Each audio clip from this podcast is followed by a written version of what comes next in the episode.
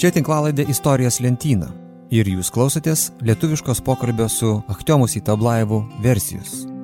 Achtiomas Itablaevas - garsus Ukrainos aktorius ir režisierius, Krymo totorius. Žmogus, kuris išėjo su šautuvu ginti Kievo antrąją karo dieną 2022 m. vasarį.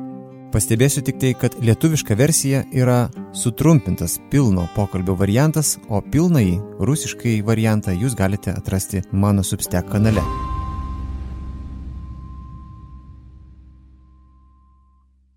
Pirmas klausimas. Kada paskutinį kartą buvote Kryme? 5 марта 2014 года. 2014 kovo 5.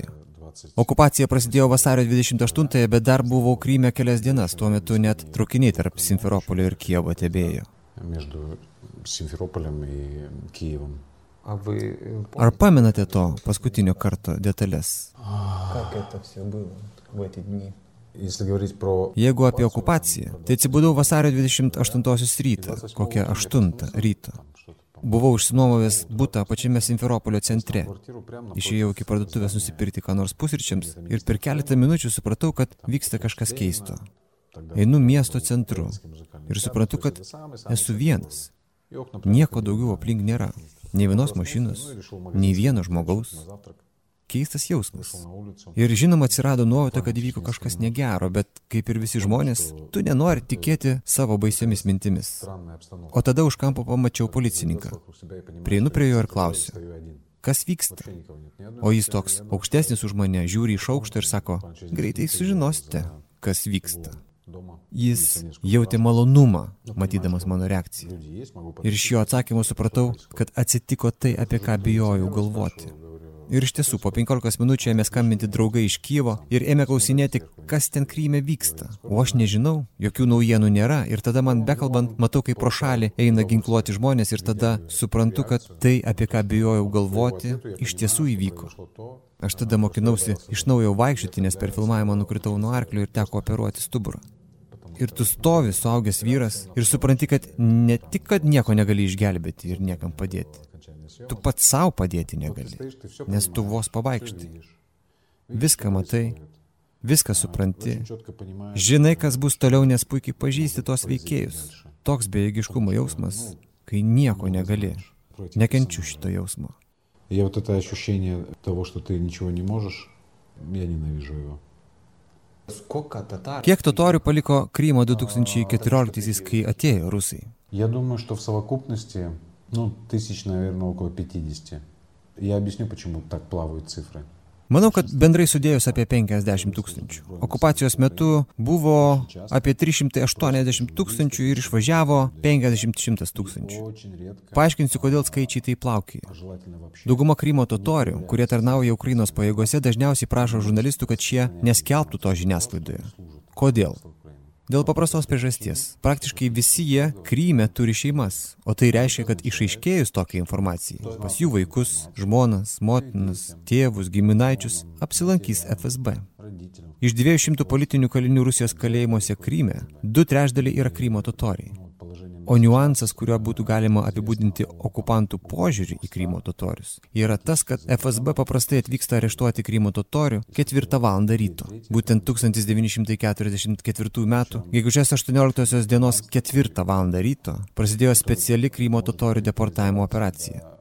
Vadinasi, net ir šiuo lygmeniu jie bando įbauginti žmonės. Taip tarsi sakydami, kad kaip jūs deportavome tada, taip galime deportuoti ir dabar. Prasidėjus pilno masto karo etapui, okupacinė Krymo valdžia elgėsi taip. Vykstant kariuomenės mobilizacijai, jie pirmiausia įteikia šaukimus Krymo totorių atstovams. Taip valdžia sąmoningai stengiasi sukurti situaciją, kad Krymo totoriai kovotų prieš Ukrainą.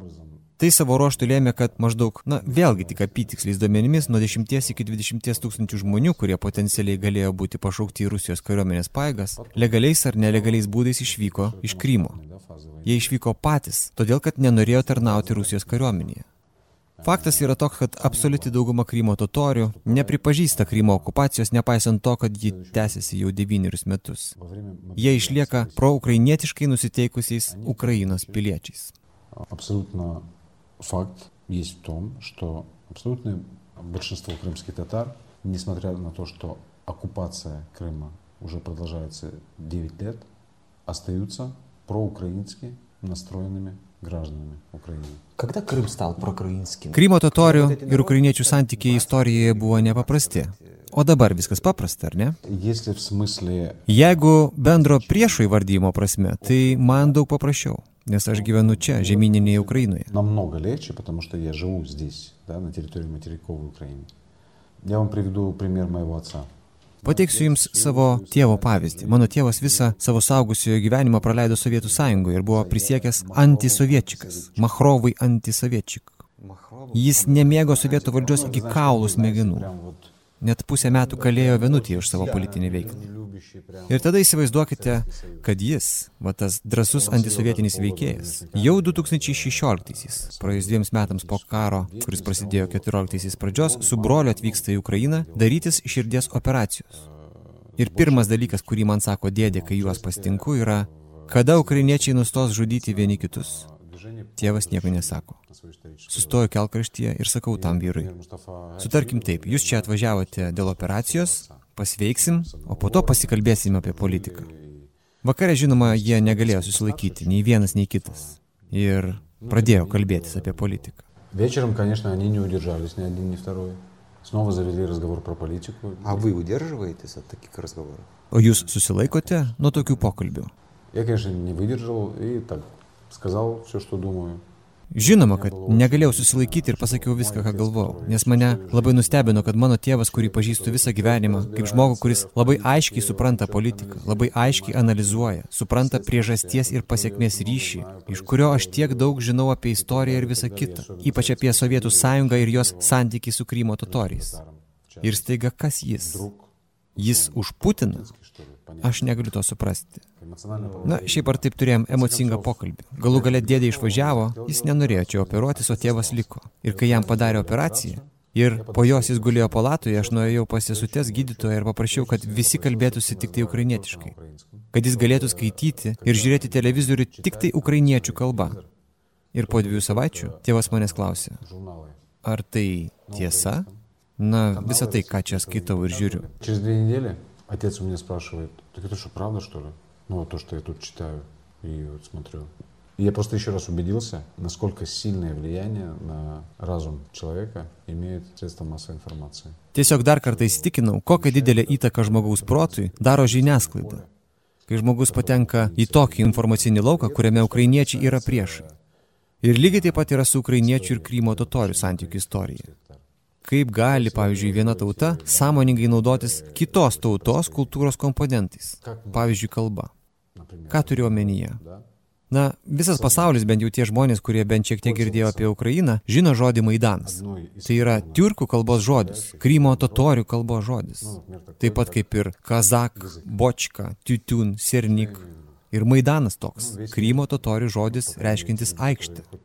Ir tada klausimas, kodėl jeigu mes esame priešai, jeigu visada buvome priešai, kodėl aikštę vadiname Krymo totorių kalba?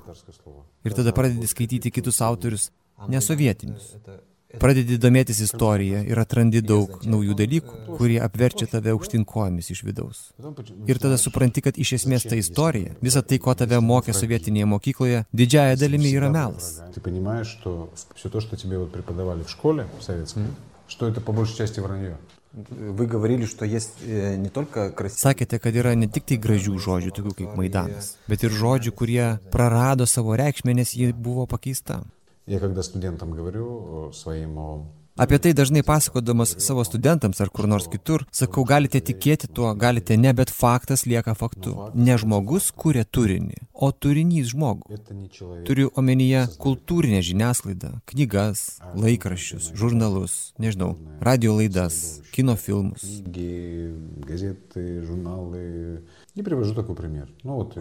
Kviečiu pažaisti su manimi žodžių asociacijų žaidimą. Aš pasakau žodį, o jūs turite negalvodami pasakyti, kokį vaizdą jis jums sukelia. Tai koks žodis? Sarai Daržinė, это по-литовски. Lietuviškai būtų daržinė, gal tvartas, bet, žodžiu, paprastas pastatas kaime. Для чего оно предназначено? Ну, скотину, Скотину, скотина, сено, там, не знаю, ну что-то, что-то там, какие-то. Ну вот. Pasakysiu jums, kad 9 iš 10 žmonių atsako maždaug taip pat.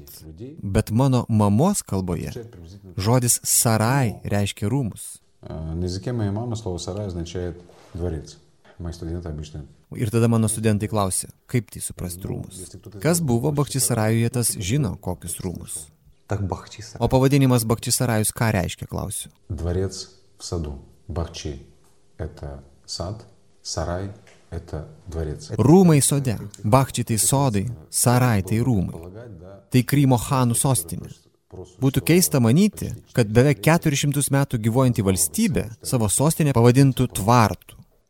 Ir ukrainiečių kalboje nėra žodžio sarai. Yra žodis chlyv, kuriuo vadinamas pastatas, kuriame laikomi galvijai arba kokie nors įrankiai. Rusų kalboje žodžio sarai taip pat nėra. Tai yra svetimas žodis ir jis turi tik tai vieną vertimą - rūmai. В русском языке тоже нет слова «сарай». Это чужское слово. И перевод у него только один – дворец. Bet jie jį pakeitė. Žinoma, kad pakeitė. Конечно. Другой пример. Говоришь «хохол». Kitas pavyzdys. Jūs sakote hohol. Na, tai toks negražus žodis, kuriuo maskoliai vadina ukrainiečius, atsakau. Taip, kai jie nori mus pažeminti, pavyzdžiui, pasakyti, kad tu ten kažkur žemai. O mano mamos kalba hohol reiškia dangaus sunus. Gražu, Sakau, taip gražu, dangaus sunus. Ir kyla klausimas, kam reikėjo, kad dangaus sunus virstų kažkokiu malorosu? Tikrai, kad nekrymo totoriams reikėjo rūmus paversti tvartų. Įsivaizduokite tvirtovę, kurią gina kariai, žmonės. Ir kitoje pusėje esantis priešas jiems sako, o ką jūs ginate? Hoholus? Sarajų? Tai yra tvarta? Įsivaizduokite, kad po dešimties metų žodį mama suvoksite kaip kiksmažodį. Mano studentai negali to patikėti, negali to įsivaizduoti. Bet iš tiesų tame nieko nuostabaus. Ta imperija tai daro šimmečiais. Persukinėja bokštuose po varštelį, po varštelį, kol galiausiai pakeičia reikšmę ir vertę. Pakeičia savoką. Tai labai klastingas dalykas velniškas įrankis, kai vyksta savokų ir žodžių pakeitimas ir visa tai, kas tau buvo vertinga ir svarbu, tampa niekinga. Dangaus sunus tampa mažarašiu, neišsilavinusiu personažu, kuris moka tik tai šokti, valgyti lašinius ir juokinti vyresnįjį brolį rusą, kai vyresnysis brolis rusas to pageidavo. Kai nebelieka jokios vertės, kai supranti, kad visa tai, ką norėjai saugoti, pasirodo jokios vertės neturi. парная штука. O kokia motivacija yra ginti tai, kas neturi vertės? То какая мотивация у людей? Если вы вспомните Советский Союз, любой анекдот, где есть три персонажа, обязательно есть русский, Bet kokiame sovietinėme anegdote, kur yra trys veikėjai, būtinai turi būti rusas. Ir dar kažkas - totorius, lietuvis, čiukčius. Nesvarbu kas, bet visada yra rusas, kuris būtinai išsprendžia situaciją, padaro tai, ko nesugeba kiti. Tai buvo visose Sovietų Sąjungos lygmenyse, pradedant jokeliais. Visada pabrėžiant didįjį brolį, kuris visada yra protingiausias, išradingiausias ir greta kurio visi kiti atrodo kvailiai. Ir kaip matome iš jūsų tėvo pavyzdžio, tai veikia, įtakoja kolektyvinį suvokimą, supratimą. Taip, jie puikiai žino, koks galingas įrankis yra televizija, kinas ir visa kita. какой мощный инструментарий, телевидение, кино в том числе и так далее. Šioje vietoje baigėsi pirmoji tinklaladės dalis. Antrąją galės girdėti tik tai kanalo prenumeratoriai, be kurių tiek ši tinklaladė, tiek daugelis kitų dalykų, kurie vyksta kanale, būtų tiesiog neįmanomi. Ačiū visiems, kurie supranta ir remia.